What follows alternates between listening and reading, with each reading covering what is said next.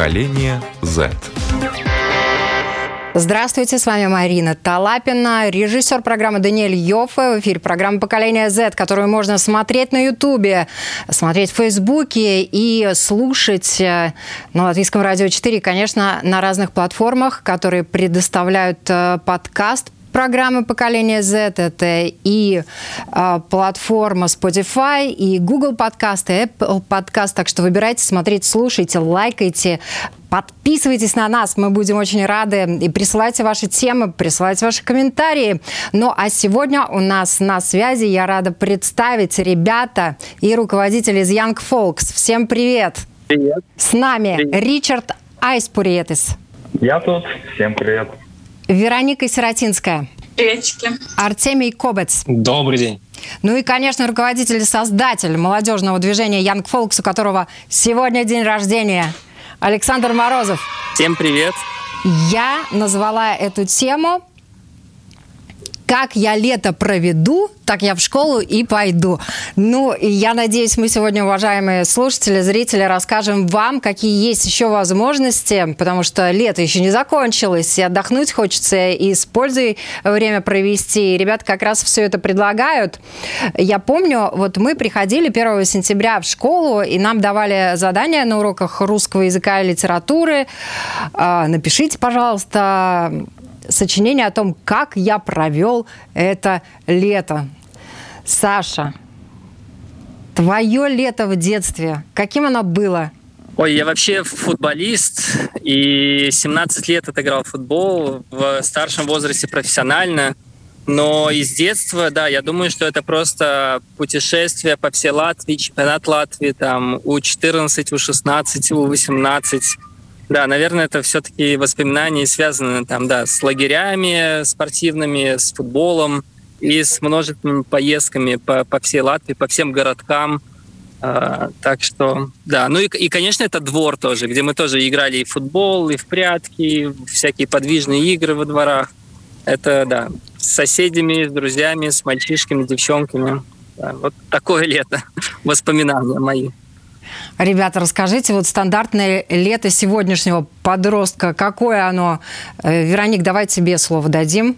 Начни. Лето вообще у всех разное, но, наверное, у стандартного подростка лето — это в основном прогулки с друзьями, путешествия с семьей, ну и отдых как и для тела, так и для ума. Просто настолько, насколько это возможно. Стандартный подросток, ты сказала так интересно. Это такой, э, вот что ты в это включаешь, что ты под этим понимаешь?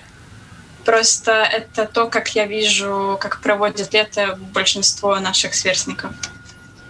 Ребят, Ричард, Артемий. Ну, что я могу сказать про стандартных подростков? Э, Лето они действительно проводят больше потому, как описала Вероника. Ну, если мы говорим про большую часть, то есть э, стандартный подросток само по себе понятие немножко неточное и странное. Большая часть действительно отдыхает. Uh, у старших, uh, старшей границы, то есть 16, 17, 18, очень популярна работа летом, uh, что безумно радует, что люди стремятся хоть чем-то себя занять, что приносит пользу обществу. А любая работа, она как бы приносит эту пользу. То есть, но младшее поколение там вообще все бесцельно и очень грустно, по моему мнению. В дворах шатают, что они делают бесцельно? Ну, в основном, да. То есть я как-то пытался, э, закон, как говорят, законтачиться с э, этим молодым поколением. Большая часть просто вот бесцельно ходит из стороны в сторону.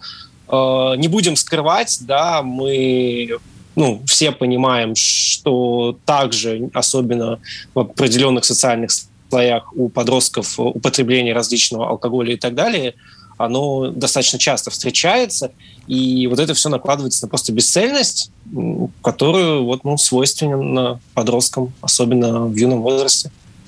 Но это Такая грустно. вот грустная ситуация. Грустно, действительно ну, грустно. Но это, но это реальность, то есть в большинстве своем. То есть если мы возьмем просто математически и выведем наибольшую часть, радует, что есть э, как бы исключения, и их становится все больше и больше. Ну, я передаю слово Ричарду, чтобы Может как быть, бы, не у говорить него одному. какие-то есть позитивные нотки.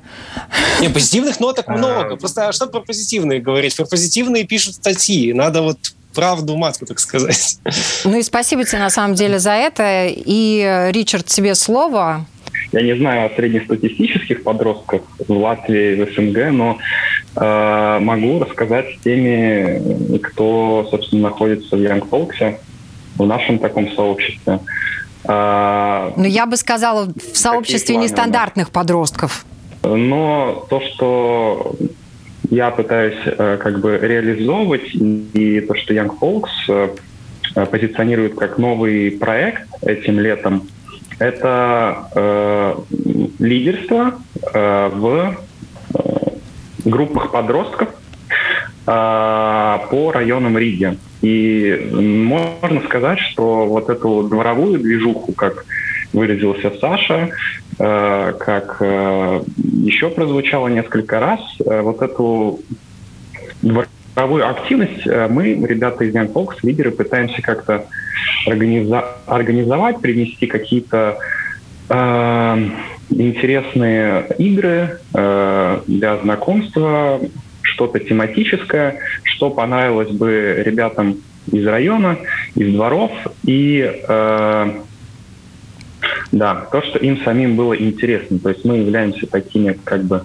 лидеры вот э, этого клуба подростков, э, такими как бы э, координаторами, э, э, коннекторами, которые это лето проводят э, вместе с ребятами из районов. Я вот уже провел 7 встреч в Плявниках. Э, у нас также есть район, где мы работаем, это Мэшсен центр, Зепникаунс, Иманта. И э, э, лето мы тоже планируем завершить шиком. Я, по крайней мере, э, потому что следующие, э, следующие выходные э, я с ребятами договорился. А они сами семь, семь встреч до этого я как бы свои силы вкладывал, организовывал вот этот контекст дворовой. Следующие выходные уже сами ребята возьмут, э, сделают э, сами себе э, театральную встречу в формате КВН.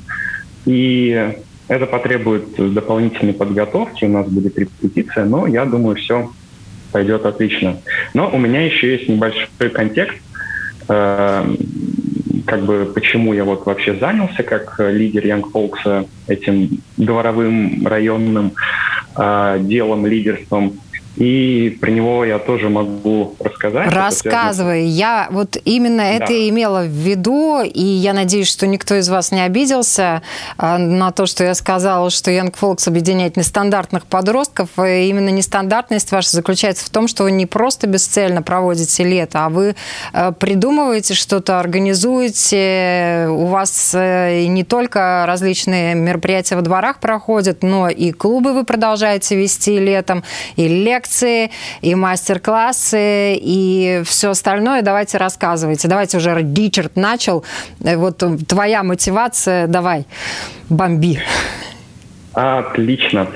А, ну, поскольку мне так повезло, что мне уже 18 плюс, и я могу в этом случае ездить на Erasmus программы, поступило предложение от э, Саши поучаствовать в э, молодежном тренинге в Болгарии, где э, обучали вот такому инструменту по организации встреч э, молодежи, подросткам в формате неформального образования. То есть это э, собраться, провести мероприятие так, чтобы всем было весело, но еще к тому же, чтобы ребята чему-то сами научились.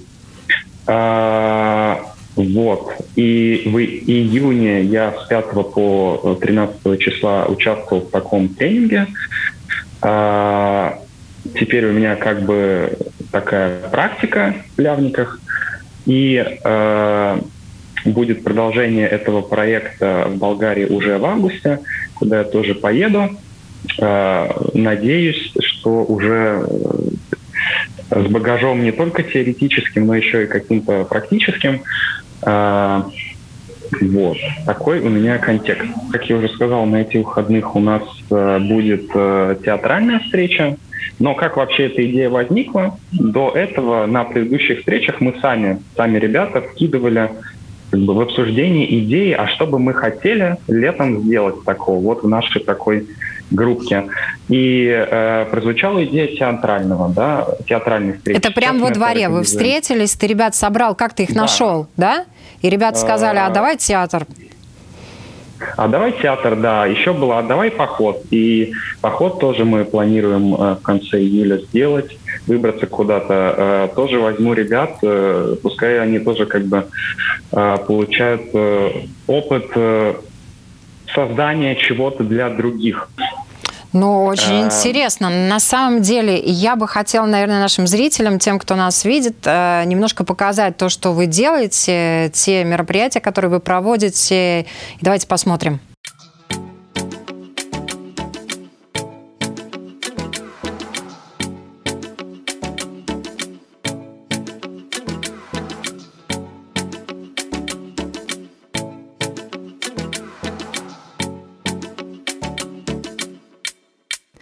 Яун Фолкс – молодежная организация.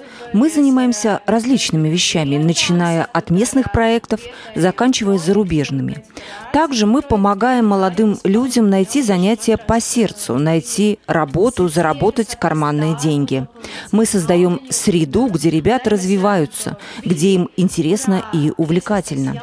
Они сами развивают и формируют эту среду. Они часть этого. И наша главная цель – помочь им развиваться и делать то, что нравится.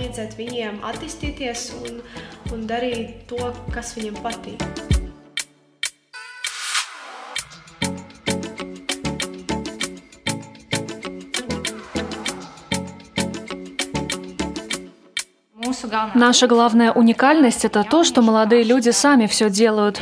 Мы на них не давим, мы не говорим, что делать, мы их поддерживаем как менторы, помогаем найти свои проекты, реализовать свои идеи. Главная уникальность – это то, что сами молодые люди придумывают все мероприятия и привлекают для участия в них других подростков, детей. Ребята здесь находят своих идейных соратников.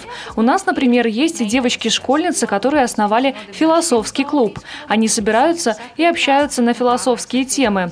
У нас есть литературный клуб, клуб английского языка, у нас есть департаменты Green Folds, которые отвечают за экологию, среду и долгосрочные перспективы. Они очень часто организуют поездки для того, чтобы очистить леса от мусора, привести в порядок пляжи. Куда поехать, ребята сами придумывают. Пишут проекты в European Solidarity Corps, и мы им в этом помогаем. Вот сейчас у них будет проект при финансовой поддержке Европейского Европейского Союза. Мы также работаем с проектами от ЕС и учим ребят, как писать проекты по обмену в Европейском Союзе. Мы их обучаем, посылаем на различные проекты. У нас очень много партнерских организаций в разных странах Европы, которые ищут добровольцев и молодых людей.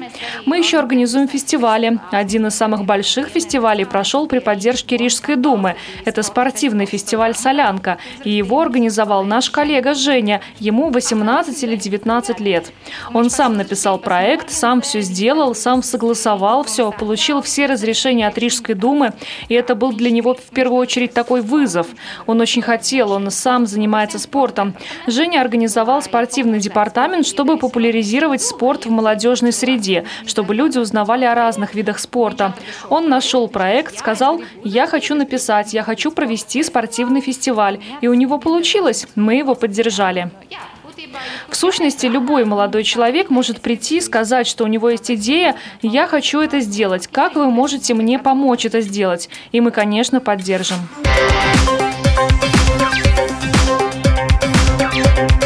Поколение Z. Артемий человек серьезный, ко всему подходит? Ну, почему нет? Просто у меня такой тип деятельности, который э, вынуждает э, Который создает серьезным. себе имидж серьезного, серьезного молодого имидж. человека, да. Да. В рамках Young Folks я веду Review of Business Club. Это просто место, где собираются молодежь, заинтересованная в бизнесе, предпринимательстве, и бизнесмены. Мы то приглашаем различных предпринимателей, которые делятся с нами своим опытом, и поскольку нас достаточно немного, у нас у всех есть возможность с ними законтачить. К примеру, вот можно связаться с... Вот кто-то привлек раунд инвестиций. У нас был такой предприниматель Никита Михель. Он привлек инвестиции от э, Внешэкономбанка российского, ну, руководства его, то есть там личные были, и от Олега Грефа, это э, который сын Германа Грефа, э, мы у него спросили, а можно ли нам, если нам нужны будут инвестиции, вы нам дадите контакты кого-то, с кем мы можем связаться. Э, Никита нас, нам сказал, что да, конечно, вот там мои контакты, если нужно будет вам кого-то помочь найти, то со мной смело связывайтесь. И еще я веду Young Folk Invest. Это фонд, Э, который направлен на помощь в развитии маленьких предприятий для молодежи, 20 тысяч, то есть немного на самом деле, э, общий бюджет. Э, и вот мы хотим до сентября найти проекты, выбрать три лучших и помочь им в развитии финансово. Вот так вот. Совместно мы это делаем с другими предпринимателями, это не средства Фокус. Вот как-то так.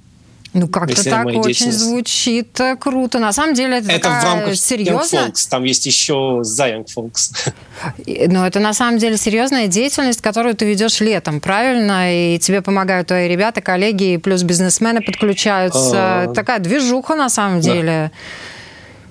Ну да, но это достаточно просто. К примеру, вот есть заинтересованный молодой человек э, у нас в Young Folk, который хотел бы там потом попасть в условное SSE, Stockholm School of Economy, и ему нужна там какая-нибудь рекомендация. Да, а это фактически фонд. Маленький, но фонд. И он-то помогает с какими-то проектами. А потом мы встречаемся вот э, недавно с была встреча по конференц-залу, нам тоже дадут его как бы безвозмездно, потому что у нас проект не коммерческий. То есть это большой плюс, и люди действительно помогают. Очень много талантливых и отзывчивых людей в Латвии, э, особенно вокруг Young Folks, и это очень радует. И, наконец, слово переходит нашей замечательной Веронике. Девочки, ну, этим летом мы вместе еще с одной девушкой организовали сплав на байдарках. И получается, это было бесплатно для всех, кто записался. Ну, и кто успел записаться. Потому что количество мест было ограничено. Но таким и, образом... К сожалению, мы... возраст был ограничен, да. Я вот так вот слушаю и думаю, господи, ну, вот, ну почему мне не 16? Ах, рассказывай дальше. Да. Возраст, к сожалению, был ограничен но это поправимо. И думаю, в будущем можно организовывать проекты и для вашего возраста тоже. Ну, спасибо, мне не придется подделывать паспорт. И я смогу прийти со своим паспортом, с документами. И не буду да. претендовать на то, что я 16-летняя. А также мы сейчас э, занимаемся еще с одной командой а, еще организацией еще одного Erasmus проекта. А, он, получается, будет в августе. Это будет в Финляндии. А, и мы сейчас вместе составляем программу, обсуждаем, кто за что будет ответственен. Ну, то есть делим обязанности все поровну. То есть, как бы в прошлый раз я ездила тоже на тренинг по Францию, но я была там как участником. В этот раз я поеду в Финляндию, и я уже буду как часть рабочей команды. И мы вместе будем именно проводить мастер-классы, обучать чему-то подростков. И я думаю, это тоже будет очень интересный опыт. И это тоже звучит очень достойно, круто, я даже сказал бы. Саша, ну и тебе слово. Ты же тоже, несмотря на то, что возглавляешь, организовал все это движение, тоже занимаешься отдельными группами э, ребят и тоже предлагаешь для них различные мероприятия. Да, я, может быть, попробую так побольше информации сразу сказать, потому что возможности именно на это лето, вот прям с июля и на август можно прям подключаться и много чего использовать. Например, у нас есть такой замечательный проект «Пумпурс», называется, от Рижской думы. Э, «Пумпурс» направлен на тех, кому пришлось сложно в обучении. Вот год у нас прошел онлайн. У кого немного оценки стали хуже, или у кого риск есть такой попасть в эту категорию, или кто-то, может быть, не знаю, там из-за онлайн-обучения э, там меньше общался, коммуницировал, да, или не так много друзей у ребят э, было – можно абсолютно бесплатно подключиться к проекту Пумпурс в Young Folks. И вместе с ребятами у нас целый цикл, даже, даже он полгода будет идти до декабря, да, то есть и все лето, и еще на осень будет выходить. И в рамках этого проекта с ребятами мы пойдем в поход, будет э, фото-мастер-класс, будет музыкальный мастер-класс. Э, в рамках этого проекта также мы сможем ребятам помочь подтянуть им какие-то предметы, у которых, э, по которым у них там оценки снизились. Например, химия, физика, математика или латышский язык. То есть вот тем ребятам, это от 7 до 12 класса, кому нужна будет помощь, можно будет спокойно обращаться или там написать нам email, и мы скинем заявку, по которой они могут э, заполнить, и мы сможем оказать э, такую поддержку. Второй Я думаю, есть... что тут родители, да. которые нас слышат, они, наверное, да. сейчас подключились. Родители тоже могут написать заявку или помочь родители написать заявку. Да, да. Ну, сами ребята, я думаю, седьмой класс и выше, они уже достаточно самостоятельные по опыту Young Folks, э, лидеров, э, по, по опыту наших лидеров. У нас как бы уже с 15 лет ребята берут ответственность, руководят разными клубами, организовывают мероприятия. Так что вполне уже подросток может сам осознать, что у него там, ну, как-то не идет с химией, например, и он сам может, почему бы и нет, э, осознанно хотеть это исправить. Расскажу дальше. Есть такой проект «Проти Ундари». Да, э, это уже от Club Playbus Department. Есть такая возможность. Это индивидуальное менторство. То есть ребята от 15 до 29 лет, кто, например, не учится э, или не работает, не получает каких-то там bubbles, да, э, то он может э, примерно в месяц получать от нас поддержку в размере 100-120 евро на любые курсы, на любые занятия. Там очень гибкий проект, очень классный, потому что он индивидуально подстраивается под молодого человека. И можно, например, не знаю, по профориентации пройти курс или даже, смотрите, такой пример. Если ты хотел бы стать дизайнером одежды, то в рамках проекта можно даже купить швейную машинку для тебя. То есть все, что относится к твоей профессии или к обучению, или к твоему развитию, мы индивидуально составляем такой как бы ну, образовательный маршрутный план индивидуально и оказываем поддержку. И до четырех месяцев можно совершенно бесплатно в этом участвовать и даже получать бесплатные и курсы, и лекции, и встречи, и во всю эту движуху подключаться. Могу продолжать? Конечно. Да, э, есть, есть э, замечательный вообще целый блок Erasmus+, который мы уже с 2013 года учим ребят писать проекты, везде подключаем, участвуем. Вот Ричард был в Болгарии, Вероника была во Франции. Эти все поездки были бесплатные. И сейчас я вам просто скажу, что у нас этим, этим летом мы уже побывали на Кипре, во Франции, в Италии – но вот за июль и за август у нас еще будет там две поездки в Финляндию, одна поездка в Неаполь, а, еще поездка в Грузию, э, поездка будет еще в Италию, в другой город. То есть много достаточно возможностей по Erasmus+, где мы являемся партнерами, или где мы сами написали проект э, и его нам подтвердили. И ребята уже с 13 лет до 30 могут совершенно бесплатно в этом участвовать в таких проектах и путешествовать. И несмотря на то, что есть COVID, да, и вот вся еще пандемия, то уже этим летом ну, мы в поездках 6-7 уже были. Это не так страшно и сложно, потому что, да, кто-то вакцинирован, но ты можешь спокойно сделать там за 72 часа ПЦР-тест или антиген-тест и спокойно путешествовать, все границы открыты, и что мы с ребятами и делаем. Вы знаете, какой вопрос у меня возник? Вот лето. Кто-то лежит тряпочкой на пляже, отдавшись солнцу и воде, а вы, э, ну, можно сказать, вкалываете занимаетесь чем-то, организуете какие-то мероприятия, выискиваете во дворах молодежь, пытаетесь ее занять, образумить, обучить и так далее – что вами движет? Артемий, я вижу, ты готов ответить да, на мой да, вопрос. Да. А, ну, во-первых, на пляж мы тоже ездим. У нас, было мероприятие Zen Лига для активных участников Young Folks, где мы отличные на пляжу повалялись, а, очень посидели там у костра душевно и так далее. А, вопрос просто с кем и что делать. И на пляжу на самом деле надоест очень быстро. Таким людям, как в Young Folks, да и в целом, мне кажется, всем очень быстро надоест на пляжу. А так мотивация, ну, у всех здесь разная. Особенно мотивируют в любой сфере, начиная от обучения, заканчивая каким-то бизнесом, люди, которые окружают. Потому что когда ты учишься в школе, и там, ну, самое интересное, что человек хочет сделать, это я не знаю, поступить в латвийский какой-нибудь университет, не самый топовый, ну, это слабо мотивирует. А когда ты приходишь, общаешься с кем-то, кто хочет поступить в ВШЕ, Высшая школа экономики, и закончил 12 класс э, и 11 за один год, но это мотивирует развиваться, мотивирует учиться. Ты прям смотришь на этого человека и думаешь, блин, надо бежать, надо делать что-то, потому что иначе он меня очень сильно обгонит. Как-то так. Вот как-то так. Вероник, что тобой движет? Ну, я соглашусь с Артемием, что люди действительно очень много значат, потому что именно в Young Folks такое скопление и концентрация заинтересованных и мотивированных людей, с которыми действительно интересно общаться, и как-то вдохновляешься даже от простого разговора или созвона.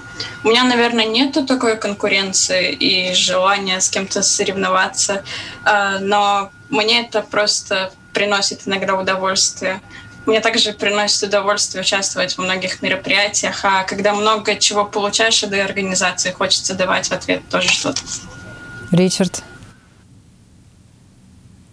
А, ну, у меня, наверное, две вещи. А, первая — это такая, как бы, сторона личностного развития.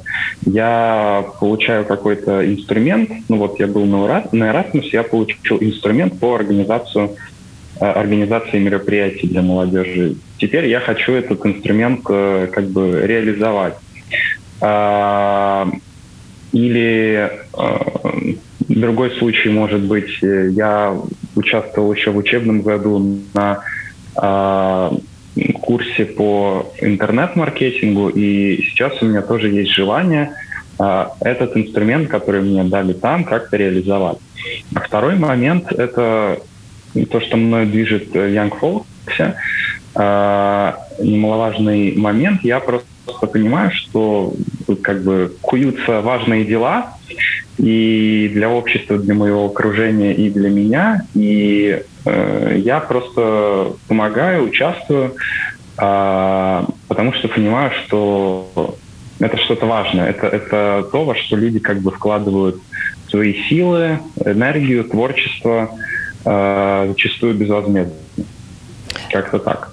Но мне кажется, вас все-таки еще э, как-то мотивирует и заражает вот э, желанием участвовать во всем ваш духовный лидер, если можно так сказать. Саш, вот, э, ну, у тебя вообще отпуск бывает? Ты здесь с молодежью круглый год. Я, я могу сказать так, что в любой момент я себе этот отпуск могу организовать. И, например, столько мероприятий, смена деятельности и путешествий. То есть я занимаюсь тем, что я люблю. Что я 10 лет отработал там руководителем на станции в энергетике, построил станцию, там тоже э, руководил 60 профессионалами. То есть от этого я как бы ушел, задав себе вопрос, вот следующие 10 лет, там, чем я хочу заниматься, что я хочу делать. И я понял, да, что хочу совсем другой жизни. И на самом деле с тех пор, как я ушел и начал заниматься полностью только Young Folks, помогать молодежи, создавать там возможности, путешествовать, э, то, ну да, тут, тут нету такого, что я там как-то сильно устаю от этого. Да, это тяжело, сложно, но когда ты занимаешься тем, что ты любишь, и вместе с другими людьми, с единомышленниками, да, то мне кажется, это все так в кайф происходит. И, например, мы там путешествовали и были в Нью-Йорке, да, или в Исландии, или в Норвегии, в Барселоне, в Грузии, в Тель-Авиве. Как бы, ну, как можно от этого устать? Кто бы не, не хотел э, по работе своей летать в Нью-Йорк, например, да, или там по Исландии кататься, или вот последнее, там тоже мы там в древний город Петра, в Иорданию, как бы летали с ребятами, там абсолютно все сами планировали, брали машину там в аренду и путешествовали. Но это же мечта, а не работа. И я больше сподвигаю ребят тоже стремиться создавать вот свое будущее, создавать э, свое место работы, потому что это все возможно, реально. Не обязательно всю жизнь работать на кого-то, а можно вполне создать и запускать там свой бизнес или пробовать получать опыт, исследовать себя. А то у нас очень много есть историй где ты там на четвертом курсе университета понимаешь, что ты вообще не то, это не то, что ты хотел, это не то вообще, где ты себя видишь. Но вопрос, почему ты только это осознаешь только там в 23, да, или там в 21, или в 35, когда ты это можешь начинать делать, исследовать себя и понимать, что тебе нравится, что не нравится уже с 13 лет, например, с 12, с 14. Вот глобально мы этим и занимаемся, даем ребятам возможность, чтобы они и поработали, и попутешествовали, и свое дело создали, и стали лидером, и инициативу реализовали. А, вот, примерно так. Это все меня тоже вдохновляет, и вместе с ребятами я вдохновляюсь делать такой большой проект. Э, поэтому, когда надо, отдыхаем, когда надо, работаем, все создаем, все, что нам нравится. Ребят, пару слов Скажите Саше сегодня, в его день рождения, чему вы у него научились и учитесь? Ричард, давай ты. Я думаю, что навык и искусство Саши э, как бы такой очень важный заключается в создании правильных условий, где люди чувствуют себя комфортно, даже если они немножко другие, э, и где люди как бы видя общую обстановку, начинают сами что-то делать э, от себя, да, что-то вкладывать от себя, как-то развиваться. И э, вот это искусство, которым владеет Саша, э, я думаю, что этому можно учиться, этому стоит учиться, и это очень важный, классный навык умения. Частичка этого я тоже вдохновился. Спасибо. Вероника? А, у Саши есть тоже такой навык. Очень, он очень внимателен к другим людям. И просто, мне кажется, иногда моментально что-то подмечает, делает какие-то заметки, перестраивается. И, возможно, частично благодаря этому, ну, он такой успешный лидер, и у него так хорошо получается, потому что он не просит, вот, все, мы делаем, мы делаем, и неважно, что другие думают, а он как-то чувствует, как другие настроены, даже если они это не высказывают, и под это уже подстраивается и действует, исходя из этого. Семей. Да. Я хочу сказать, что кроме вот очень большого количества навыков, которыми Александр бесспорно владеет, начиная от ну, технических по образованию, заканчивая организаторскими, он создал прекрасную организацию, которая поменяла ну, наверное, сотни точно жизни молодых людей так или иначе изменила. И, наверное, не побоюсь этого слова, тысячи да, э, я вот лично, я, к примеру, безмерно благодарен Александру за все эти возможности, которые мне дал Young Folks как организация, за всех людей, которых я здесь встретил. И, ну, вот в честь дня рождения все, что я могу пожелать, чтобы он продолжал оставаться тем, кем он есть, продолжал создавать столь уникальное сообщество, столь делать такие уникальные и прекрасные, в моем понимании, вещи. Да, и чтобы не менял на следующие 10 лет э, род своей деятельности, да? Ну, это, конечно, он и так много сделал для общества. Он вправе поменять, и мы еще должны будем ну, там, уйти в какую-то другую отрасль. Мы будем должны должны будем быть ему благодарны за все, что он уже успел сделать. Но хотелось бы, конечно, да, чтобы он продолжал этим заниматься. Я думаю, Александр и не против. Ну, я тоже рада, что программа поколения Z уже достаточно давно дружит. Я даже не могу сказать, что она сотрудничает, она именно дружит с Young Folks, и у нас много замечательных программ э, вышло с участием ваших ребят. И, э, конечно, э, хочется вернуться немножко к теме нашей сегодняшней программы, программы как я проведу лето, так я в школу и пойду. И вот вообще отдых для вас, ребята, да, вот с чем он ассоциируется? Это может зависеть от настроения, но у меня, например, бывает так, что отдых ассоциируется с активной социализацией. Ну, то есть кажется, вот, когда мне весело, когда я с кем-то, кто мне нравится, ну, из людей, как бы я чувствую себя хорошо, я перезаряжаюсь, вдохновляюсь. А бывает и наоборот, когда как будто бы от социализации устаешь, отдых — это как раз сидение дома, наслаждение — а. Наслаждение диваном. Ну, иногда это тоже надо, правда ведь? Ну да, ну то есть так. Ну вот для первого варианта Young Fox идеально подходит, если хочется с кем-то просоциализироваться, и при этом, ну, не просто время бездарно потерять, а при этом еще что-то, чему-то научиться, что-то соорганизовать, сделать для других. Между прочим, там есть диваны, и если совсем уже устал и захотелось э, чуть-чуть прилечь, тоже можно, наверное, это сделать, да? Да. Ри... Да и организовывать вещи можно с дивана. Да. Ричард? Мне сложно как-то обобщить, как бы, э, что есть отдых в моем образе жизни, но э, определенно, когда я находился в лагере Young Folks Zen Лига, я вышел на море и постелил э, полотенце и лежал на пляже достаточно долго, спал.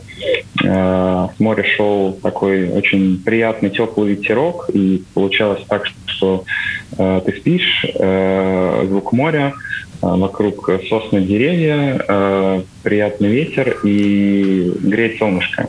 Я думаю, что вот это, это был идеальный отдых в моем понимании. То есть природа, э, релакс такой, э, восстанавливающий. Вот. А потом можно поработать. Саш, кроме путешествий, Ребят, большое спасибо за приятные слова. Я так не было возможности да, сказать. Очень, очень приятно. А по поводу каникул у нас у взрослых, да, со времен школы, если я каникулы, да, мы, мы, наверное, уже и забыли, что такое каникулы, потому что э, целый год взрослые работают. Это не как, не как у школьников. Но я могу, может быть, сказать, что для меня отдых — это смена деятельности. Я такой, у меня там, может быть, 15 разных э, проектов. Ну, я, я что скрывать? Я очень много работаю, я люблю работать. Да, но опять же, любой отдых, который происходит, он тоже происходит организованно. Опять же, да, например, там неделю уехать в кемпинг там, э, с ребятами, со всей командой, или организовать что-то там в другом городе или взять, собрать всех, уедет там, уехать исследовать Латвию. А, да, для меня это больше, наверное, смена деятельности, а, организация разных мероприятий. Как недавно, например, я тоже кайфовал. Мы со спорта Драуги, нашим спортивным департаментом, организовали э, спортивный фестиваль в Пурсемсе, э, где был тоже концерт музыкальный. И, как бы, не знаю, там жители выглядывали с окон, слушали музыку, можно было поселить плед, насладиться, насладиться концертом от ребят.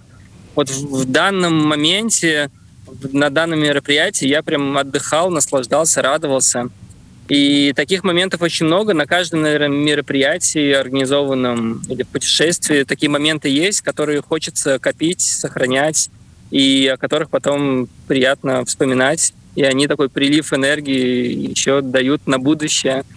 То есть для меня отдых, да, это в таком и действии, и, и смене активностей.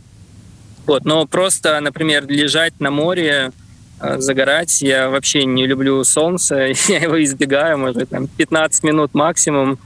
А, вот. Не очень нравится такой вид, но какой-то, да, вот как Ричард упомянул, поспать в тенечке на море, тоже классно. Так что как-то так с моей стороны. Артемий. Ну, я, наверное, соглашусь и поддержу концепцию Саши, что отдых — это смена деятельности. Ну, конечно, за исключением каких-то чисто физических моментов, там, поспать, поваляться на солнце. А мне очень нравится по роду моей, ну, того, чем я занимаюсь, вот, допустим, я сижу там несколько дней, готовлю какую-нибудь там презентацию, что-нибудь там делаю в Excel, а потом происходит встреча, и мы там заключаем условную сделку или просто о чем-то договариваемся. И вот когда там выходишь с этого или идешь туда, ну, скорее, уже после, когда ты вышел из здания, ты там красиво одет, идешь по Риге и такой, yes, получилось. Вот это вот, вот это вот мой отдых, мне вот это очень нравится. Ну и, соответственно, вся социальная история Young Folks, общаться с кем-то, знакомиться с новыми людьми, когда они ну, необычные, они все чем-то отличаются, чем-то особенные. Это прям тоже, я отдыхаю, мне это очень нравится. Ну и мероприятий у вас огромное количество. А как же на них попасть? И дети с какого возраста могут уже принимать участие? Саш, давай ты. Ну, в целом, да, у нас есть отдельное направление, называется Young Folks Kids. Там абсолютно разные занятия, как раз-таки те э, наши старшие ребята, которые фанаты своего дела, они преподают, например, есть там курс по э, анатомии, курс там, не знаю, путешествия к эмоциям, курс по астрономии, курс про динозавров, да, это вот для ребят 7-11 лет, это для, для, для детей мы тоже очень много чего делаем. Но у нас, конечно, фокус, вообще сильная сторона, 9 лет назад, с чего мы начинали, это с подростков, это вот от 12 до 15 лет для ребят. Мы, может быть, в месяц около 20 мероприятий делаем. У нас есть клуб подростков, тематические недели, где больше 20 тем. Там, например, бизнес-недели, кулинарная неделя, дебаты, критическое мышление, журналистика и так далее. Более 20 тем там, в неделю по, по 4 темы может происходить. Э, туда тоже очень просто записаться. Это если вы подросток, вы можете написать нам или в Инстаграм, или в Телеграм, или на почту. Если вы родитель, то также можете найти анкеты, ссылки в наших социальных сетях. И если что-то непонятно, там, как попасть в путешествие, в Erasmus или на тематическую неделю, то можно писать, и мы с удовольствием всем ответим или в комментариях, или в личном сообщении. Так что найти нас легко, главное захотеть. Young Folks LV, да? Ребят, я в завершении, мне почему-то очень захотелось узнать, я думаю, нашим слушателям, зрителям тоже. Как вы попали в Young Folks, Вероник? И сколько а, тебе было лет? Это было не так давно, на самом деле, где-то полтора года назад. А, я, получается, просто услышала о литературном клубе, а так как я ну, очень люблю читать, и мне в то время очень хотелось и познакомиться с кем-то, и тоже найти кого-то, чтобы обсуждать книги. Я ну, в литературный клуб вступила, и как бы так начала общаться с ребятами. Чуть позже стала подключаться к другим активностям, а, к другим сферам, и потом уже, ну, можно сказать, попала глубже к ядру Folks. Ричард, да, я с Вероникой был знаком еще до Young Folks, до того, как я в него попал. И, собственно, первое мое нахождение в офисе Young Folks было в связи э, выступлением Вероники на тему, э, на психологическую тему э, определения психотипов. И я поучаствовал в этом мероприятии. Мне было интересно, что же такое Вероника организует.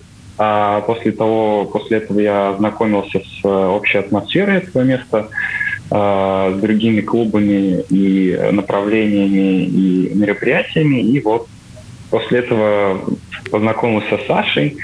Э, я поделился тем, какие у меня интересы, что я мог бы тут делать, и как начал активно участвовать после этого. Вот. Это было, это было начала учебного года прошлого. Артемий. Я попал в Young Folks э, благодаря Ричарду. И что мне очень понравилось, что хочу выделить как еще один плюс, э, это горизонтальную организацию Young Folks. Я вот как попал, буквально там первый день я просто посмотрел, что это, второй день я уже сидел там с Сашей, и мы обсуждали какие-то мероприятия, что можно сделать, организовать. То есть это вот очень гибкая структура, мне это очень нравится. И, ну, и Ричарду я очень благодарен, что он меня сюда привел. Ну, вообще, на самом деле, ваша организация уже действительно насчитывает, там, наверное, тысячи ребят через нее прошли. И вот, знаете, мне пришла в голову мысль, один очень известный режиссер, э, Андрей Кончаловский сказал, что если бы он э, с самого начала знал, э, чему учить детей, да, он обязательно их, у него их много, кто знает, да, обязательно бы их учил общению. И мне кажется, Янг Фолкс в этом отношении это такая, такой центр общения молодежи, очень позитивный, очень многообразный, разноплановый, разносторонний. Вот. И спасибо огромное, что мы уже дружим с вами не первый год. И до встречи! Удачи вам и вашим ребятам во всех ваших начинаниях. Всем хорошего дня и, Саша, с днем рождения еще раз. Спасибо.